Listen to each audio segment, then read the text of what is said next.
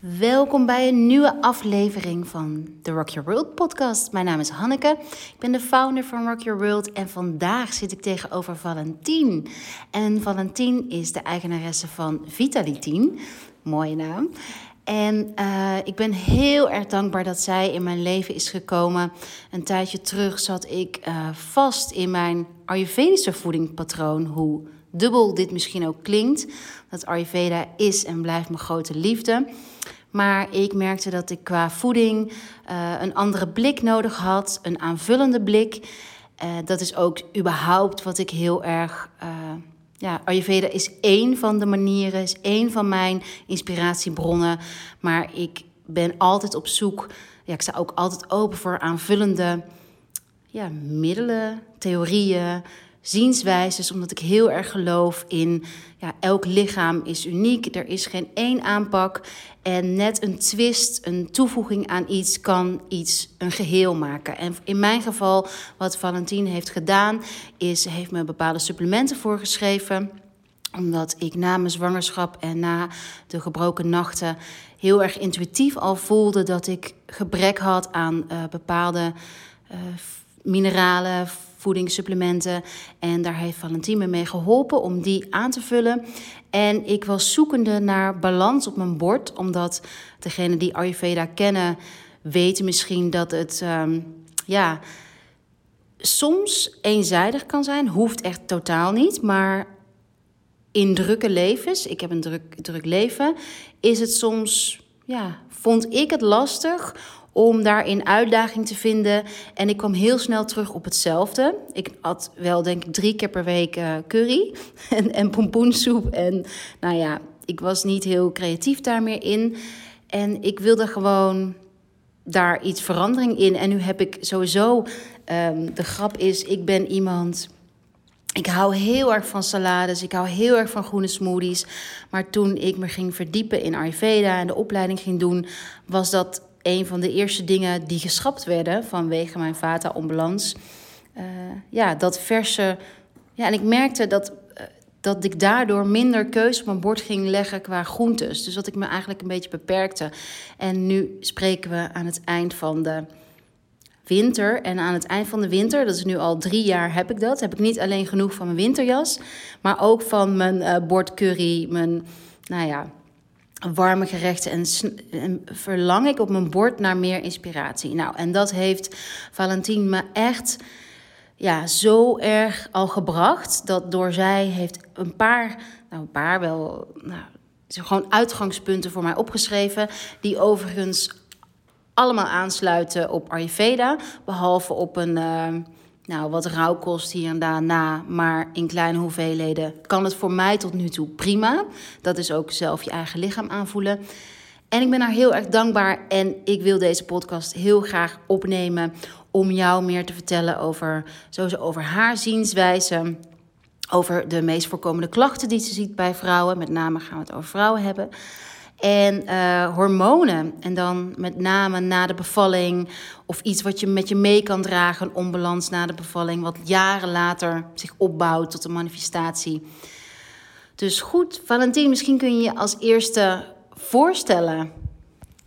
Dankjewel, Hanneke. Leuk. Uh, ik ben Valentien. Ik heb een bedrijfje gestart, Vitality, alweer negen jaar geleden. Dat gaat ontzettend snel. Ik heb verschillende opleidingen gevolgd van uh, allereerst lifestyle coaching, dat is voeding, beweging. Maar dat is ook uh, mindset en psychologie. Dat is een groot onderdeel bij mijn praktijk.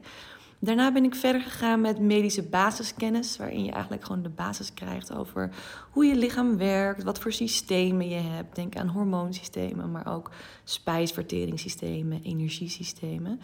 Allemaal wel op uh, wetenschappelijke basis, dus we werken alleen met evidence-based uh, research. Toen ben ik verder gegaan uh, met uh, ortomoleculaire geneeskunde, omdat ik merkte dat ik zelf goed in de knoop zat met wat moet ik nou wel eten, wat moet ik nou niet eten, wat, wat zijn de elementen waar ik nou buikpijn van krijg. Zelf heb ik prikkelbaar darmsyndroom en uh, de doktoren konden maar niet verder bij helpen. En toen dacht ik, ik ga gewoon zelf hier verder in studeren. En toen ben ik naar ortomoleculaire geneeskunde gegaan. En dat is een opleiding waarin je eigenlijk gaat leren wat voeding op moleculair niveau nou in je lichaam doet. En dat is ontzettend interessant, want zo kan ik eigenlijk heel veel verschillende soorten klachten verhelpen aan hormoon. Denk aan hormoondisbalansen, maar ook uh, mensen die last hebben van haaruitval. Wat dacht je van mensen met darmklachten? Uh, kinderen die last hebben van obstipatie. Het gaat eigenlijk heel, ja, heel, heel breed. En mijn laatste opleiding is een darmtherapeutopleiding. En dat was wel weer echt een nieuwe wereld. Om te kunnen zien hoe belangrijk die darm is. Dat niet dat die alleen verbonden zit aan je hersenen, maar ook eigenlijk uh, ja, jou, jouw eerste grote lijn defensie is met welk stofje gaat er wel in je bloedbaan naar binnen en welke gaat weer met je ontlasting naar buiten. En um, dat is eigenlijk een beetje wat ik allemaal heb. Ik heb een eigen praktijk in Amsterdam. En hier geef ik eigenlijk uh, gedurende de dag consulten. Ik heb ook personal training gedaan, uh, wat ik heel leuk vind om echt mensen te helpen met bewegen, functioneel vooral. Maar ook uh, te bewegen om het leuk te vinden en het niet allemaal in het schema te volgen, want dat moet zus en zo. Dus dat is eigenlijk een beetje ja, mijn grote deel van mijn dag. Ik geef ook masterclasses, dat doe ik vooral voor grote bedrijven om meer te vertellen over hoe belangrijk voeding voor je is. En wat je kan doen om op de werkvloer zo actief mogelijk te blijven. Omdat dat een, uh, ja, nu denk ik steeds meer een onderwerp wordt wat iedereen beseft. Dat je werknemers uh, ja, moe worden als ze een vier uur dipje hebben en dan vervolgens gaan snacken. Nou, hoe actief je dan nog bent die laatste twee uur kantoor, dat vraag ik me af. En daar uh, geef ik bij grote bedrijven zoals Facebook, Spotify, maar ook eigenlijk andere werkgevers zoals La Roche, Posay, eigenlijk heel veel verschillende mag ik meer vertellen over voeding, lifestyle en je mindset. Um, ja, ik had meteen al een aantal vragen uit jouw verhaal. Ten eerste, wat is moleculair? Ja, hele goede vraag. Dat is eigenlijk op heel klein moleculair niveau. Dat betekent eigenlijk wat de reacties zijn van bepaalde moleculen in je bloed. Um, als we het hebben over een banaan bijvoorbeeld, dan staat een banaan altijd uit koolhydraten, vetten, eiwitten, maar ook mineralen, enzymen en vitamines. En die geven allemaal een bepaald soort reactie in je lichaam. En dat is eigenlijk wat je met orthomoleculaire geneeskunde leert. Je leert wat voor systemen je hebt, wat voor cofactoren noemen we dat. Dat zijn eigenlijk dus alle stoffen die ik zojuist opnoemde om bepaalde processen goed te kunnen laten verlopen. Ik heb je aan jou uitgelegd de allereerste les dat je hier binnenkwam hoe dat werkt met suikerverbranding. Nou, dan heb ik het heel klein voor je gemaakt, maar er zijn heel veel cofactoren nodig om eigenlijk suiker te kunnen verbranden vanuit je bloedbaan om er energie van te kunnen maken. Oké, en um, wat is de meest voorkomende klacht? Kan je, kun je drie klachten, nee, laten we beginnen met twee klachten noemen en daar ook iets meer over vertellen? Ja. Ik denk dat de meest voorkomende klacht is niet een stabiele energie hebben. Mensen hebben vaak last uh, van meerdere energiedipjes of ze hebben het geaccepteerd, maar dan zeggen ze wel: ik ben heel erg moe, heel erg vermoeid gedurende de dag kom misschien niet mijn bed goed uit. Um, ik heb last van een vier uur dip. Ik ben overdag op bepaalde dagen gewoon echt zo moe dat ik eigenlijk bijna niet vooruit kom. Ik denk dat de vermoeidheid een van de grote klachten is. En vermoeidheid is gelinkt aan heel veel verschillende ja, eigenlijk, mm, functies vanuit het lichaam die niet goed werken. Dus denk aan suikerverbranding, maar het kan ook zijn dat je energie lekt aan een onderliggende ontsteking die misschien niet aangepakt wordt. Denk aan een teenschimmeltje of een wortelkanaalbehandeling die te lang zit. Um, maar het kan ook zijn dat je niet goed verteert, dat je gewoon niet goed voedingsstoffen kan opnemen en dat je daardoor ook echt meer vermoeid bent het leuke van, van, het, van het vermoeidheidsklacht is, is dat ik ga uitzoeken uh, waar komt het nou vandaan? Waar, waar zit jou, eigenlijk jouw energielek, om het zo te noemen? Wat je heel spiritueel kan zien, want het is namelijk ook wel vaak iets uh, wat weer mentaal uh, vaak ook een, een, issue zou kunnen zijn. Denk aan stressfactoren op je werk, maar misschien ook op privégebied, die echt energie uit je trekken. Maar het is vaak een combinatie van beide. En um, ik denk dat uh, ja, zoeken waarvan, waar jouw energielek zit, is echt de mooiste zoektocht die je eigenlijk kan gaan doen. Want dat zal je zoveel opleveren als je bewuster gaat worden in je gevoelens, in je eetpatroon, in hoe je dingen doet. Weet je, eet je wel echt met aandacht. Dat is misschien ook wel echt iets Ayurvedisch misschien. Maar het is wel echt een onderwerp wat, wat steeds meer speelt. En nou, die vermoeidheid, dat is denk ik echt een van de grootste uh, klachten die ik hier binnenkrijg. De klacht die daarna binnenkomt zijn darmklachten. Ik denk dat het ook heel erg te maken heeft met hoe we in het leven staan nu. Dus uh, de manier van eten, zoals achter laptops, uh, telefoons, uh, televisies. Ja, we kijken eigenlijk niet meer zoveel naar ons eten. Terwijl onze hersenen toch echt moeten registreren wat op het bord ligt... om echt goede spijsverteringsenzymen aan te kunnen maken. Daarnaast zijn we ook nog eens een keer te gehaast. Als ik naar kijk naar de grote steden in Nederland, dan bestellen we vaak steeds meer eten. Dus we maken ook nog niet eens ons eten zelf. Dat betekent dat de tijd van het produceren van de juiste uh, in je mond, maar ook in je maag en ook in je darmen, ja, eigenlijk minimaal is. En dan daarnaast. Um, het hebben van uh, spijsverteringsklachten kunnen meerdere oorzaken hebben. Maar ik denk dat dit een van de grootste is. Maar wat we eten is echt de tweede grote oorzaak, denk ik. We zijn heel erg ver verwijderd van onze ja, oermens, om het even zo te noemen. We zijn niet meer aan het eten zoals ik denk dat echt belangrijk is. We zijn gelukkig wel steeds bewuster aan het worden. Maar dat betekent ook dat we beseffen dat we minder vlees en minder vis moeten eten. Maar daar kunnen we het misschien zo meteen nog even over hebben. Het eten van bewerkt eten is gewoon heel zwaar voor het lichaam. Het herkent het niet zo goed. Moet veel energie eigenlijk vrijmaken om het te kunnen verteren. En uh, dat geeft klachten. Dat, ja, dat kan je. voorbeelden van bewerkt eten? Bewerkt eten vind ik vooral rood vlees. Dat staat echt voorop. Um, rood vlees is een van, ja, van de slechtste dingen die je nu tegenwoordig nog kan eten.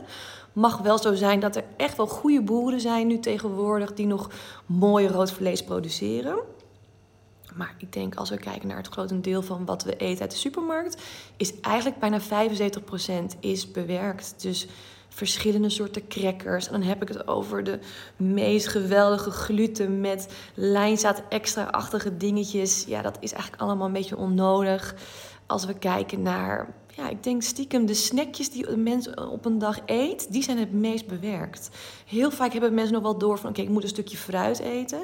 Maar er zijn ook veel eat natural repen of andere soorten snackvormen van snackjacks. Of ja, ik weet niet allemaal hoe die dingen heten, maar daar doe ik eigenlijk het meest op. Die zijn gewoon echt het zwaarst voor je lichaam om te kunnen verteren. En uh, wat, merk je als het, uh, wat merk je aan je lichaam als je niet kunt, goed kunt verteren? Wat zijn de gevolgen daarvan? Zo. Oh, even het microfoontje. Hoppa. Ja.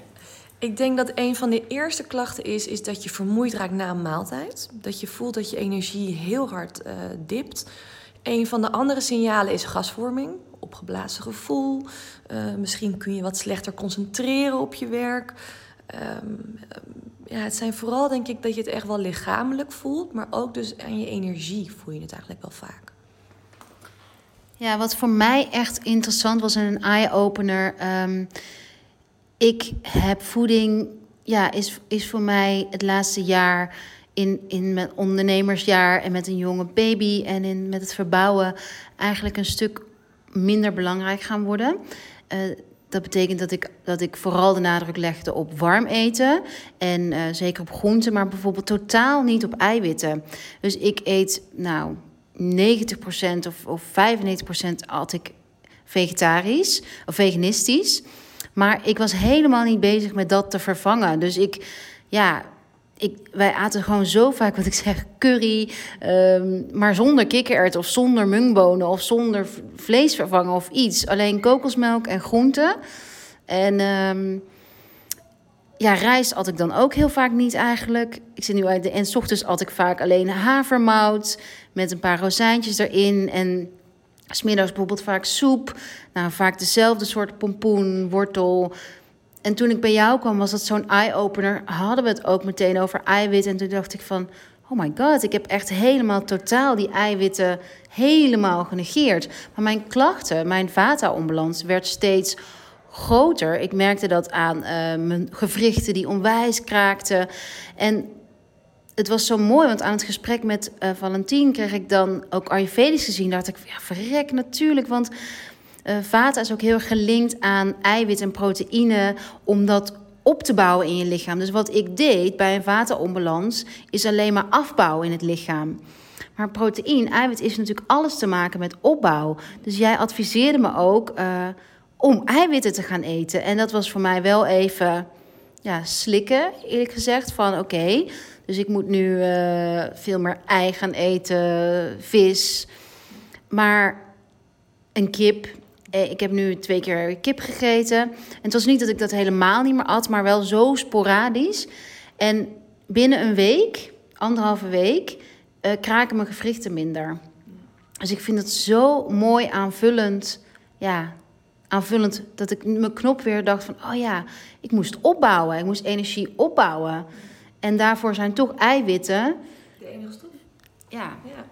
Ik denk dat eiwitten zijn echt de enige stof die kunnen opbouwen. Dus koolhydraten en vetten, dat zijn eigenlijk de energiegevers. Maar alleen eiwitten kunnen bouwen. Niet alleen je huid, maar ook je gewrichten, ook je botten, nieuw weefsel. Hormonen maak je uit eiwitten. Dus vaak zijn er bij mij in de, in, in de praktijk vrouwen die binnenkomen die een, een, vega-dieet of een veganistisch dieet volgen, die vaak een hormonale disbalans hebben. Omdat je die, die, die bouwstoffen niet binnenkrijgt. En dat zag ik bij jou eigenlijk ook. Dat is ook helemaal niet raar, want ik geloof er wel echt in dat Ayurvedische uh, de Ayurvedische wereld, zeg maar, om het even zo te noemen, heel veel positieve dingen heeft. En ik gebruik ook heel veel daarvan in de praktijk. Alleen, ik kijk dan wel meer naar de wetenschappelijke kant van okay, welke voedingsstoffen hebben we? Wat moeten we ongeveer allemaal binnenkrijgen? En daar maak ik een plan voor voor jou. Maar ik leg vooral veel uit tijdens de consulten om het innerlijke besef te krijgen en de kennis van waarom ik bepaalde dingen naar je toeschuif. Of zeg van, hey, denk hier zo over na. Misschien kun je hier uh, meer aandacht aan besteden. En dan is het echt jouw eigen gevoel wat het doorslag geeft of niet. Ik zal echt nooit tegen jou zeggen: ik wil dat je kip per se gaat eten. Helemaal niet. Maar het kan om eventjes weer in, in balans te kunnen komen, echt een van de snelste wegen zijn om het ja, te voelen. En je lichaam reageert zo snel. Het is ongelooflijk hoe snel. Want ik zit hier elke dag en elke dag heb ik geweldige resultaten. Maar het verbaast me nog steeds dat ik denk oh, iemand stond zo ver onder aan de ladder. En kijk waar die nu in twee weken al naartoe is geklommen. En dat is het mooie van mijn vak. Ja. Ja. ja, dat vind ik ook echt bijzonder. Uh, dus in mijn geval heb je me bijvoorbeeld wat nu op het uh, menu staat quinoa. Nou, dat at ik echt totaal bijna nooit. Gek genoeg. Uh, nou, überhaupt kikkererwten, zwarte bonen. Dus ook nog heel... Het is niet dat ik een overload eet aan maar nu volgens mij twee keer per week vis, twee, keer per week, twee keer per week ei en eiwitpoeder. Ja. op dus- rijst- en bonenbasis. Ja, op rijst- en bonenbasis. Dus uh, ja, een, een, wereld van verschil. Maar ja, dat vind ik interessant om uh, twee vragen. Dus de hormoon, horm, uh, wat gebeurt er na een zwangerschap of in een zwangerschap? Waarom is het nou dat na een bevalling je eigenlijk je systeem, je mineralen anders anders worden. Dus dat is misschien de eerste vraag. Van wat gebeurt er in een zwangerschap en na de zwangerschap, vooral in die hormonale wereld? Ja. Nou, dat is wel een hele mooie vraag, want er gebeurt heel veel. Je begrijpt natuurlijk dat het oestrogeenniveau vanuit een vrouw heel hoog wordt zodra ze zwanger is. Um, dat is ook uh, eh, super mooi. Daardoor voel je heel goed als zwangere vrouw, als het goed is. Je krijgt een hele mooie uh, haargroei ervan. Je zit lekker in je vel. Je bent energierijk, voor zover dat kan, terwijl je een baby aan het bouwen bent.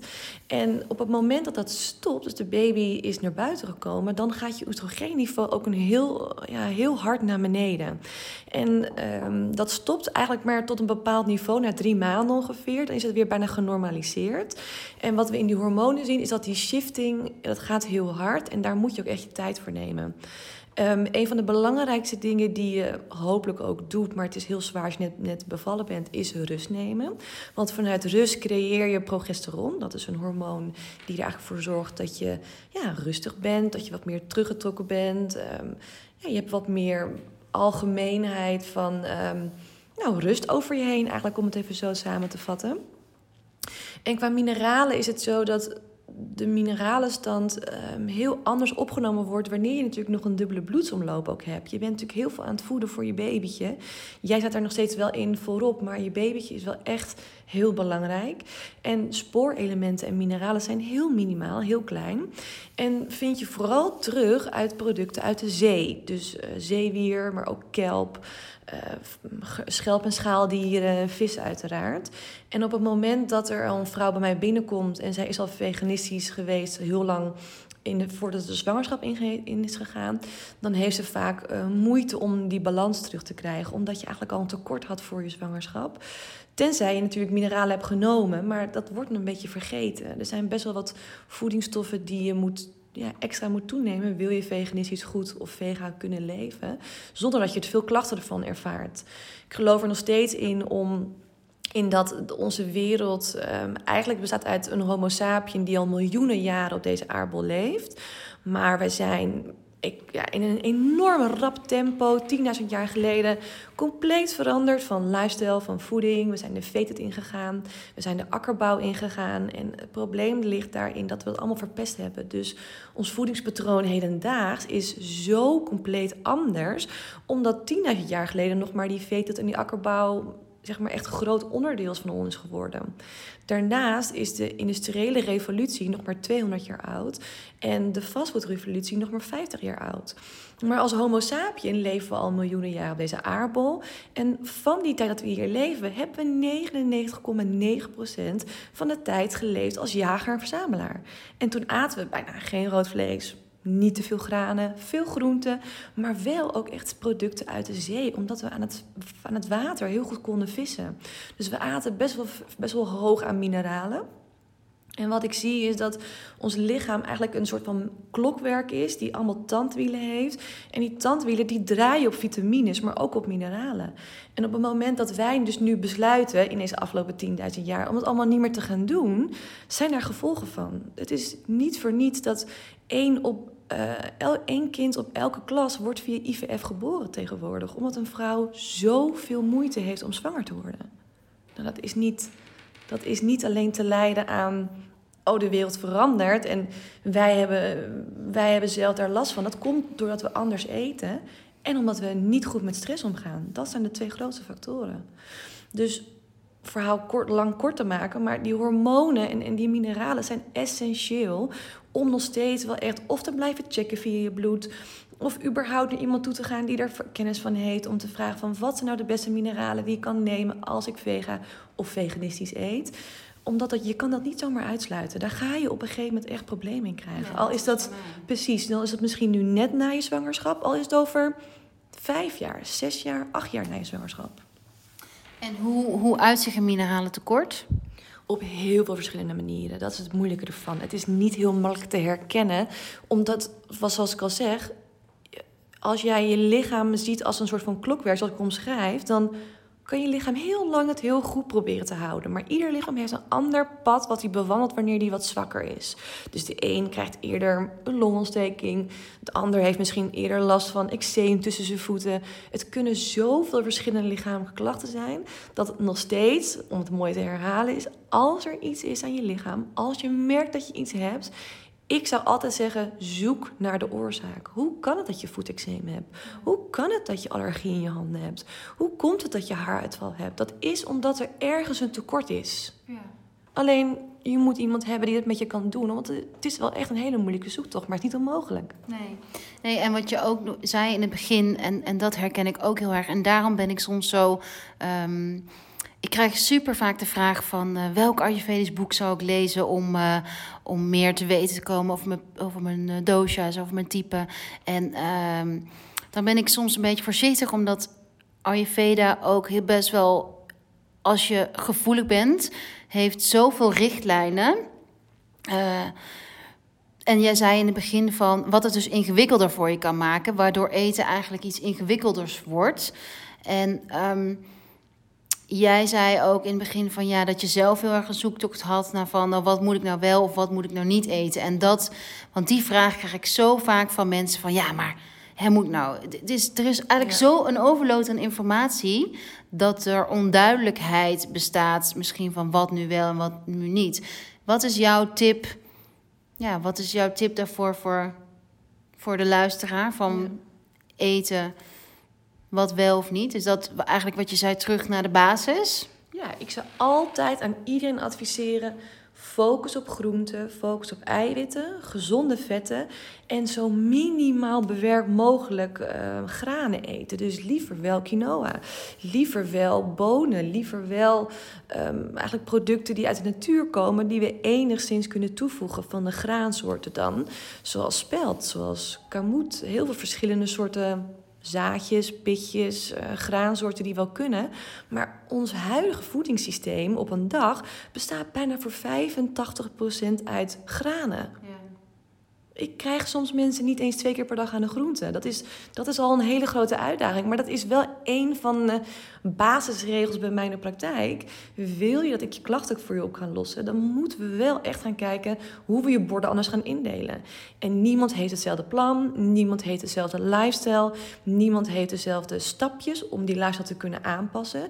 Maar daarom bied ik ook alleen maar trajecten aan. Want je kan niet je lifestyle en ik kan ook niet zien hoe ik jouw lifestyle kan aanpassen of moet, moet aanpassen. In één tot twee tot drie consulten doen. Daar heb je gewoon minimaal vier tot zes consulten voor nodig.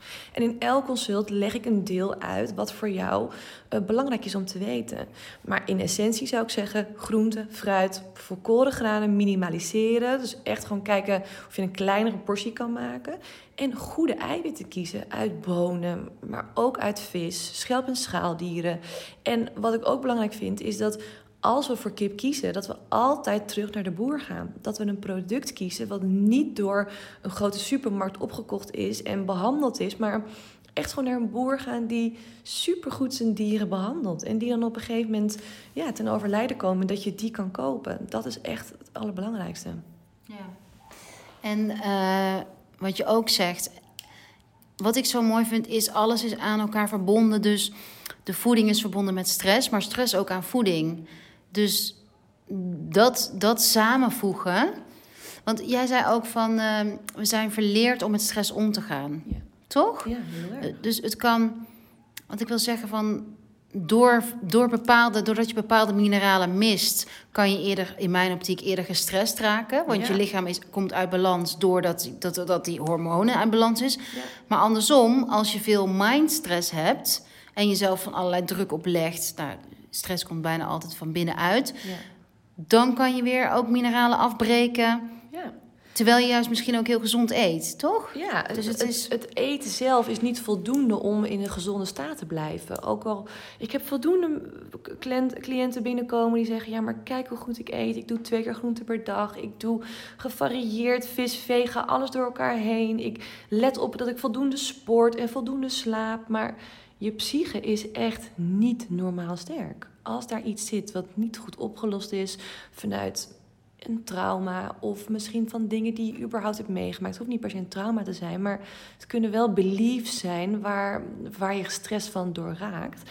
Dat het leven wat wij leiden geeft geen rust meer. Ik bedoel, we zijn van hot naar her aan het racen. Dat moeten we doen, zus moeten we doen. De WhatsApp, uh, je to-do-lijst, je e-mail. Je bent continu geprikkeld in je hersenen om antwoord te geven, om paraat te staan, om dingen op te lossen voor anderen of, of wat dan ook. En als wij niet genoeg ruimte nemen om onze eigen hersenspinsels los te kunnen laten en eventjes ja, hun gang te laten gaan, ja, dan zal de, de opsobbing van, van je eigen stressniveau gaan opstapelen. En het probleem daarvan is, is dat cortisol, het hormoon wat vrijkomt zodra je wat gestrester bent, heeft voorrang op elk systeem. Je hormoonsysteem, op je spijsverteringssysteem, op um, je energiesysteem. Het kaapt allerlei eiwitten, maar ook andere stoffen weg om te kunnen functioneren. En dat is precies waarom er nu ook veel meer burn-out zijn, maar ook mensen met bore-outs. Depressiegehalte is niet normaal hoog in, in, in Nederland, maar over de hele wereld überhaupt. Dat komt omdat we te veel doen. We zijn als oermens weer gemaakt om ook gewoon echt een paar uur op een dag gewoon niks te doen. En gewoon lekker te staren in de natuur, noem maar op. En dat is weer die lifestyle die zo compleet hard en snel is veranderd, dat, we niet, dat, we niet bij, dat, dat kunnen we niet bijbenen. Nee, nee daar, komt, daar komt mijn passie ook heel erg vandaan. Um, eigenlijk alles wat ik aanbied aan selfcare is om uh, te ontdekken waarom je niet op uit kan gaan. En je het vertrouwen te geven dat je op uit kan gaan. En dat dat mooi. veilig is. Ja. Dus daarom neem ik de maan, de astrologie, de kristallen, de geuren, eh, Ayurveda. Allemaal als tools van hey, ga maar op uit. ja. En eh, ja, Ik denk dat mensen het bijna niet meer durven om uit te staan, omdat ze het niet meer gewend zijn ook. nee, je weet het dus ook niet meer. Je weet niet hoe het voelt. En dat vond ik zo mooi aan, aan voeding veranderen. Ik heb dat ooit eh, tien jaar geleden ook aangepakt. En toen een deel van mijn klachten door voeding. Ik at bijvoorbeeld, vroeger leefde ik 15 jaar geleden op Red Bull, eh Snicker. Ik heb voor Red Bull gewerkt. Oh, echt? Optimal is iets wat ik altijd... Weet je, ik was, ik at, was toen natuurlijk heel erg een rage om geen vet te eten. Ja. Om, eh nou, snackjacks we- inderdaad. En eigenlijk zo arm aan voeding. Je, je voeding werd gewoon arm. Ja. Of hoe heette dat in het studentenhuis, wat ik altijd had. Weet je, zo die, die, die kant-en-klaar pakketten. Ja, die, eh, die bedoel je die eh, groentepakketten? Nee, eh, je had zo'n kipmatras, noemden we dat altijd. Van die, go- van die, Oh. van die Koni-mix mixen. Ja, ja, ik weet wat je bedoelt. Ja. Anyway, ik had pas later ontdekte ik dat ik altijd zo voedingsarm had. Dat in mijn eerste zwangerschap met Fits was ik, was ik best wel somber. En ehm, toen heb ik voor het eerst kennis gemaakt met een ander, de, hoe, hoeveel voeding effect kan hebben. Omdat Fits trok natuurlijk alles van Ja. wat ik nog had Ja. aan gezonde mineralen. Ja, terwijl ik al een verleden had van 15 jaar eh, lijnen, eh, diëten met eh, één cracker per dag, weet ik veel wat. En toen ben ik suiker gaan skippen en omega 369 mix. Zo'n dure pot was dat toen, fles vloeibaar, vloeibaar. Dat heeft me al zoveel geholpen. Ja. Wat wil ik hiermee zeggen? Weet ik niet meer. Maar, Nou, dat het een verschil is geweest tussen je twee zwangerschappen, daar begon je al Ja. mee. ja. En dat, eh, ja, en ook wel mooi om nog te zeggen dat ehm, in je zwangerschap, ayurvedisch gezien, gaat de kapha-dosha omhoog, aarde en water. Want het is Ja. natuurlijk heel erg verzorgen, bouwen. Je bouwt een kind, Ja. bouwt aan de, ja, je bouwt een kind. Hoe bijzonder is dat überhaupt? Precies. Het is, een, het is echt een godsgeschenk. Het is een godsgeschenk. En eh, daarom zijn bijvoorbeeld ook mensen met, met vata-klachten, bijvoorbeeld angstige klachten of eh, ja, onrust, dat die soms juist in de zwangerschap zich echt top voelen. Ja. Vanwege die oestrogeen die toeneemt. Want kapha is, eh, is oestrogeen. Ja. En daarna is vata dosha, dat is een bevalling is, dan sta je open, je kind. En daar, in Ayurveda zeggen ze ook de eerste 48 dagen liever niet het huis uit. Ja. Alleen maar warm eten. Je hele spijsvertering is tijdens bevalling uit. ja, daar gaat geen energie naartoe. Gaat niet, geen Nee. energie naartoe. Dus daarna dat je het op moet bouwen. En dat heb ik dus ook allemaal super netjes gedaan na, Ja. na mijn bevalling. En het is zo grappig dat je dan op een gegeven moment... eh, ja, daarom ben ik... Ik voelde me na mijn zwangers, na mijn bevalling super sterk het eerste jaar. Goed. Echt heel sterk. En pas de laatste, Ja.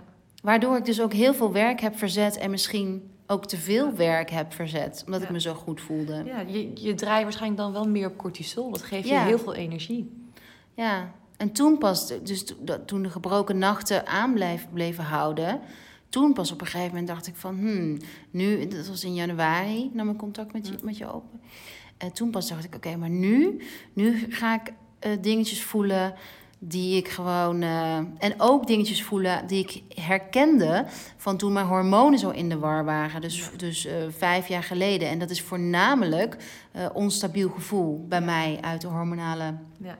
En wat bedoel je dan met onstabiel gevoel? dat ik niet kan omgaan met verandering. Oh, ja. Dus dat ik heel rigide word in. ehm, zodat ik zomaar van moed kan veranderen. Ja. En dat had ik vroeger heel vaak. Dus voordat ik aan de slag ging met mezelf. En nu had ik het in januari één keer. En dat was meteen van: oké, maar dit gevoel, Ja.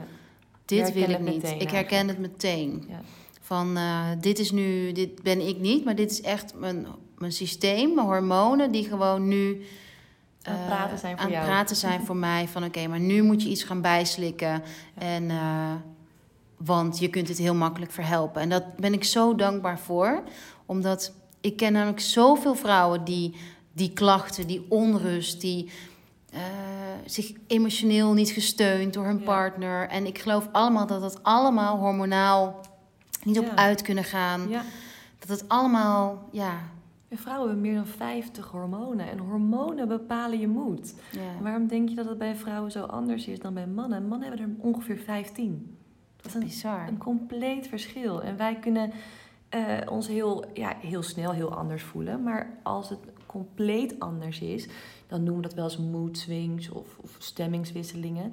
Maar als het ernstiger is dan, dan een keer dat je denkt van nou, nu gaat het wel van echt van hoog naar laag of andersom, dan moet je aan de bel trekken. Want Ja. dan is er vaak ook een eiwit, eh, bijvoorbeeld zoals eh 5-HTP. Dat is dus eigenlijk een, een bouwstof om serotonine aan te kunnen maken in je darmen. Eh, die is dan dus niet voldoende aan te kunnen maken. En dat kan te maken hebben met wat je hebt gegeten. Dat je lichaam heel veel energie nodig heeft om het te kunnen verteren. Mocht er een bacterie of een virus binnenkomen, dan worden er ehm, eiwitten ingezet om je ontstekingen te gaan remmen in die darm. En dan blijft dus ook weer minder over om bijvoorbeeld serotonine aan te maken. Mm. Dus er zijn best wel wat elementen die ermee te maken hebben dat je hormonen kunnen schommelen. En in mijn praktijk is dat voeding, beweging en ook echt je mindset. Ja. ja, en serotonine eh, is verantwoordelijk voor... Dat is het happy hormoon, toch? Ja, klopt. Dus eh, ja, dat is natuurlijk allemaal gelinkt. Ja. Op het moment dat er meer cortisol vrijkomt omdat je gestrester bent, dan gaat je serotonine sowieso heel hard naar beneden. Ja, en wat ik nog wel belangrijk vind is om te benadrukken van, want natuurlijk heeft eh, iedere vrouw heeft, eh, is veranderlijker dan mannen. Ja. Tenminste, dat is mijn Ja. ervaring. En dat is ook, eh, als je kijkt naar onze menstruatiecyclus, Sowieso. ons verschil in energieniveau kan... Een man heeft een 24 uur cyclus en een vrouw 28 dagen. Ja. Dus het is heel normaal om je per week, per dag anders te voelen. Maar wat wel belangrijk is, precies wat je zegt, als je abnormaal voelt... Ja. Dus ik, ik merkte bijvoorbeeld ehm, als ik me druk ging maken over eh, mijn sleutels die ik kwijt was. Of te laat komen op een afspraak. Of over als eh, ja, gewoon niet meer kunnen veranderen. Of zoiets kleins uit, me- uit het veld laten slaan. Ja. Dat dat echt eh, ja, een dat- teken voor mij is van... Oké, maar nu ben ik onstabiel. Ja, en dat is ook een teken waarin jij eigenlijk, eigenlijk voor jezelf kan bepalen: is het nu normaal hoe ik reageer? Of is dit echt wel een beetje licht overdreven? Of, kijk, het is sowieso belangrijk, en ik weet dat je er ook mee bezig bent, is om je cyclus te, te checken. Er zijn eh, zoveel verschillende hormonen in vier weken in een vrouw. Je moet wel even kijken of je dan in een bepaalde week zit waarin dat normaal is of niet. En als het dan overdreven is, ja, dan zou ik toch wel aan de bel trekken en kijken van wat kan ik eraan doen. Ja, want in de eerste twee weken van je menstruatie zit je natuurlijk in de oestrogeen. Dan ga je supergoed. Dan ga je supergoed. En in de laatste twee is progesteron. Juist. Toch? Juist. Dus, ehm, ja, dus dat is wel... Ja, Maar dat is ook precies waar het probleem zit. Want als je de eerste twee weken nadenkt over die oestrogeen. Oestrogeen laat je super goed voelen. Wat ik al zei, goede haar, huid- en haarbalans. Zorgt ervoor dat je zin hebt in het leven. Je bent sociaal. Je libido gaat omhoog. Maar na die twee weken komt progesteron in, in beeld om ervoor te zorgen dat het eitje wat gesprongen is en eventueel het spermacelletje wat door je baarmoedermond kan zwemmen, ervoor kan zorgen dat het zich kan nestelen. En progesteron zorgt ervoor dat je rustiger wordt. Dat je niet gaat lopen springen. Dat je niet eh, allerlei activiteiten gaat ondernemen, maar dat je rustig bent. Maar het probleem is, cortisol snoept van progesteron als er meer stress opkomt. Dus je progesteron wordt veel te laag en daardoor kun je hele erge PMS-klachten krijgen. ja. PMS-klachten zijn meestal gelinkt aan te veel oestrogeen, te weinig progesteron. Het kan ook door de pil komen of andere anticonceptiemiddelen, maar het is vooral stress, wat vaak de boosdoener is, die progesteron wegsnoept. Ja. Omdat hij voorrang heeft. Ja, en, en, en dat is zo leuk ook weer om te zeggen, om te mooi. Want eh, de cyclus is natuurlijk verbonden aan de maan. Ja. En de eerste twee weken staan gelijk aan de opbouw naar volle maan toe. En kaffa oestrogeen is dus opbouwend. Dus Ja. ook vandaar die vollere haarborst, die glow, Ja. je goed voelen. En de laatste twee weken zijn naar afbouwfase en naar volle maan toe. Of naar nieuwe maan toe. En, eh, maar jij zegt dus, oké, cortisol snoept van progesteron. En wat je dan eigenlijk zegt, als ik het zo vertaal, is waardoor je progesteron zorgt ervoor dat je rust voelt. En als je dat dus te weinig progesteron hebt en te veel cortisol, kan je gewoon die rust niet meer ervaren. Nee. Waarbij je eigenlijk, mijn ervaring is bij vrouwen die ik zie, nog meer controledrang, nog meer ehm houvast wil hebben aan alles, perfectionisme, aan Ja. alles om je heen.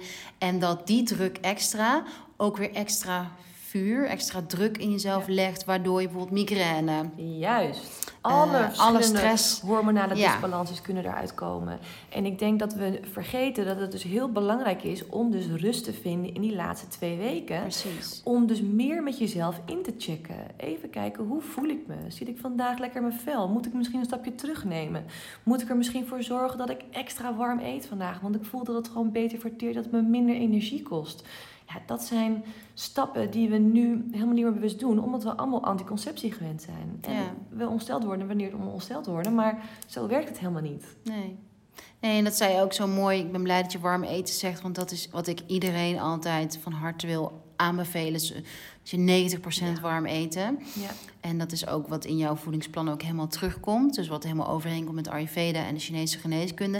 En je zei ook vorige keer dat ik bij je was van... ja, ik heb nu vanochtend overnight oats gegeten... en ik heb de hele dag koud. Juist. Dus ja, ik, ik neem aan dat je dus ook meegaat met van hoe belangrijk het is om in de winter warm te eten. Ja, zeker. Ik denk dat de meeste dingen die wij vergeten, is dat we denken dat het allemaal maar snel moet eten. Ja. Weet je, we hebben geen tijd, eh, maar we moeten wel ons gezond voelen en we moeten op gewicht blijven. En ik weet niet wat voor doelstelling we allemaal aan onszelf verbinden. Maar ondertussen wordt er bar weinig gedaan aan het feit dat wat je eet en hoe je het eet echt net zo belangrijk is om, om, om, je, om die doelstellingen te kunnen behalen. En het leuke ook is van warm eten, is dat je voelt gewoon echt het verschil. Je Ja. hoeft echt geen, geen opleidingen gedaan te hebben om het verschil te kunnen voelen. En dat zie ik ook in, in de praktijk. Als ik mensen meer warm laat eten, dan voelen ze zich al zoveel beter. Ja, en dat komt, eh, is mijn theorie altijd, omdat je dat versterkt gevoel van veiligheid. Want Ja.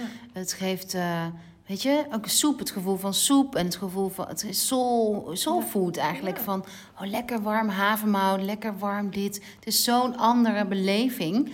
En, ehm, Je zorgt ook voor jezelf beter, Precies. denk ik, als je zorgt dat je eh, warme maaltijden nuttigt. En het voelt misschien een beetje zoals je ouders dat misschien voor je hebben gedaan. Dat zij een warme maaltijd Precies. voor je op tafel zetten. Of als je ziek was, dat je dan een lekker warm soepje kreeg of iets in die trant. Ja. Ja, en wat ik ook heel leuk resultaat vind van eh, het voedingsplan is eh, doordat je meer eiwit, doordat ik nu meer eiwitten eet, dat überhaupt mijn snack of weet je, ik kon voorheen echt nog wel een dadel of echt wel een zoetbehoefte hebben en die heb ik echt totaal niet. Nee. Echt geen. Dus je hebt een heel erg. Het geeft heel veel rust om geen eh, honger of geen. Weet je, ik eet nu gewoon drie maaltijden per dag. Ja. En eh, ja, Ja, het, het idee achter drie maaltijden per dag is, is dat we dat ook weer vanuit die oertijd zorgden voor. ehm, als we gingen eten, maakten we er echt een goed eetmoment van. En het tussendoor snacken is weer iets wat vanaf de afgelopen 200 jaar oud is. Wat we hadden bedacht dat we voordat we moesten gingen sporten, moesten we allemaal snacks hebben. Nadat we moeten sporten, moeten we ook onze eiwitten bijvullen. Alsof we dat vroeger in de jungle deden. Zo ging dat echt niet. En als er nu een leeuw voor je staat, dan moet jij keihard trainen. Dat kan je ook gewoon. Daar heb je helemaal geen pre-workout shake voor nodig. nee. En die gedachtes met de theorie erachter, die probeer ik uit te leggen en toe te lichten in de praktijk omdat ik zie dat we echt gebrainstormd of gebrainwashed zijn eigenlijk door al die verschillende media-markten. van oké, dit moet je zo doen, dit moet je zo. Dat is gewoon allemaal niet waar. En het is puur alleen maar gedreven op meer verkoop. En als ik iemand terughaal naar, we gaan terug naar drie maaltijden. Soms heb ik iemand die twee maaltijden doet. Soms heb ik iemand die vier maaltijden doet. Hangt zo van je, van je persoonlijke reis eigenlijk af. Dat op het moment dat jij ook zegt van... oké, ik ga er maar drie doen... en ik ga niet meer tussendoor snacken... je hebt ook niet eens meer de behoefte. nee omdat joh, je gewoon- rust. ja, omdat je voelt dat je voldoende vol zit. Precies. Maar als we weer gaan halve lopen eten achter een laptop... dan weet ik zeker dat je alweer eerder honger gaat krijgen. Dus het is ook het grotere plaatje. Ja. Je moet meer aandacht aan je voeding besteden. Wat ga je eten? Meer zelf voorbereiden.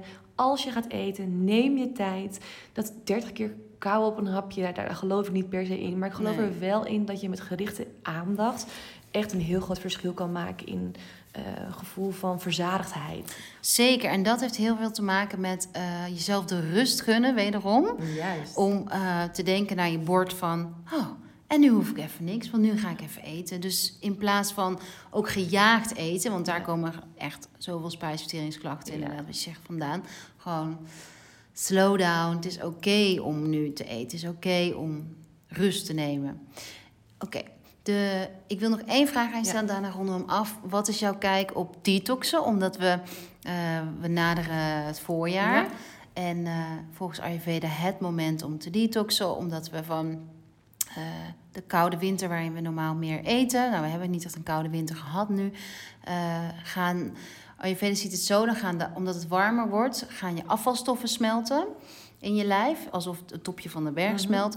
En dus je water, je lymfesysteem kan... ehm, ja, Beter afvoeren? ja, Ja. eh, die wil dingen afvoeren, omdat het dus smelt. En daarom is het belangrijk om je lichaam daarin te ondersteunen en je spijsvertering te verlichten. En daarom raadt Ayurveda een, eh, nou, verschillende methodes aan, maar een van de methodes is ehm kitchery, dus drie keer per dag een bonenmaaltijd eten. Die bonen heten mungbonen en die voeren vocht af, onder andere. Dus die Mhm. schrapen dingen van de cellen. Maar hoe is jouw kijk op detoxen? Wat is jouw ervaring met detoxen? De meeste meiden die bij mij binnenkomen, die detoxen, die hebben het natuurlijk dan eerder over een sappenkuur. Die zullen het niet hebben over een Ayurvedische driedaagse cleanse, maar meer over een sappenkuur. En een van de grootste ja, myths die we hebben, die dus nooit wetenschappelijk bewezen zijn, zijn detoxen. En ehm, dat is echt puur marketingstunten. Wat ik zie en hoe ik weet hoe het lichaam werkt, is dat het lichaam eigenlijk bepaalde voedingsstoffen nodig heeft om goed te kunnen werken. Elke nacht eh, gaat je lever aan, gaat je immuunsysteem aan. Wordt er een volledige cleanse, wordt er eigenlijk al ingezet. Dat gebeurt elke nacht. Als je langer niet slaapt of gebroken nachten hebt, dan heb je waarschijnlijk ook wel meer een eh, opstopping van verschillende afvalstoffen. En ik geloof er niet per se in dat het nou alleen in de lente moet gebeuren. Ik denk dat je eigenlijk het hele jaar door meer groentes moet eten om ervoor te zorgen dat je überhaupt ehm, het systeem ondersteunt. Want je nieren hebben gewoon veel water nodig. Nou, dat kun je elke dag drinken. Je lymfen zijn echt gelinkt aan beweging. Dus hoe meer jij beweegt in een kantoorbaan is dat helemaal essentieel. Hoe meer je lymfe eigenlijk je afvalstoffen kunnen afvoeren. Want dat doen ze toch elke dag al namelijk. En eh, andere dingen zoals je lever ondersteunen. Heb je B-vitamines voor nodig. Heb je mineralen voor nodig. Je hebt gewoon elke dag een bepaalde soort van... bijna een soort van eh, to-do-lijstje kun je doen. Zoals voldoende water drinken. Goed slapen. Zorg dat je twee, ehm, twee eh, bewegingmomenten op de dag hebt. Zoals in de ochtend of in de avond. Of op kantoor in de pauze. Zodat je voldoende zeg maar, die lymfe aanzet. Ja, dan ondersteun je je lichaam in de ultieme detox die die elke dag doet. Daar heb je in mijn beleving eh, geen cleanse voor nodig. Nee. Dus jij doet ook nooit zelf een detox? nee, nooit. Nee, ik eet elke dag zoveel mogelijk alle voedingsstoffen die mijn lichaam nodig heeft. Om goed te kunnen functioneren en alle systemen ja, te ondersteunen. En eh, eet je wel eens iets wat je heel lekker vindt, maar wat je niet per se... Wat is je... Nee, ik vind guilty pleasure zo'n stom woord. Ja, daar werk ik ook niet echt mee. Ik zeg wel eens cheat meal, maar dat is het eigenlijk ook nee, niet. vind ik ook zo stom. Het, het gaat om het grotere plaatje, 80-20 regeling. Je Precies. moet gewoon bepaalde stoffen binnenkrijgen. Vitamines, mineralen, maar ook eiwitten. Je lichaam gaat heel goed, vooral je lever by the way, op vasten. Niet elke vrouw is er geschikt voor. Helemaal een zwangerschap is het niet aan te raden. En met ehm, borstvoeding ook absoluut niet. Maar het even onthouden van een maaltijd is voor je lever de grootste energiebron om te kunnen schoonmaken en door te kunnen gaan met wat hij al deed. En ja, als je dat gewoon goed ondersteunt, dan eet ik ook wel een keer pizza. Of dan eet ik ook wel eens een keer. Eh, nou, ik eet eigenlijk geen, echt geen, geen McDonald's meer, want ook het ook niet meer lekker vind. Maar ik eet echt wel dingen die niet in mijn voedingsplan zeg maar, staan. Maar ja, op het moment dat ik ze echt uitkies. En alcohol? Drink je alcohol? Ja, ik drink zeker alcohol. Twee tot drie glazen en soms echt wel een keer meer. Maar meer in de week doe ik eigenlijk niet. En ook soms gewoon een week niet, omdat het dan ja, zo loopt. Ja. Tot slot. Nou, ik denk wel dat je alle tips hebt gehad. We gaan hem gewoon afronden, want er staat iemand voor de, Voor de deur. Oké. eh, mensen kunnen, waar kunnen mensen jou vinden op Insta? Op Vitali 10. En dat is eigenlijk eh, V-I-T-A-L-I-E-N. Of zet je misschien een linkje erin. Nee, ik weet niet hoe het moet. Dankjewel voor het luisteren. Superleuk! Tot de volgende keer! Ik denk dat het de bosbouw is. Oh, mijn been.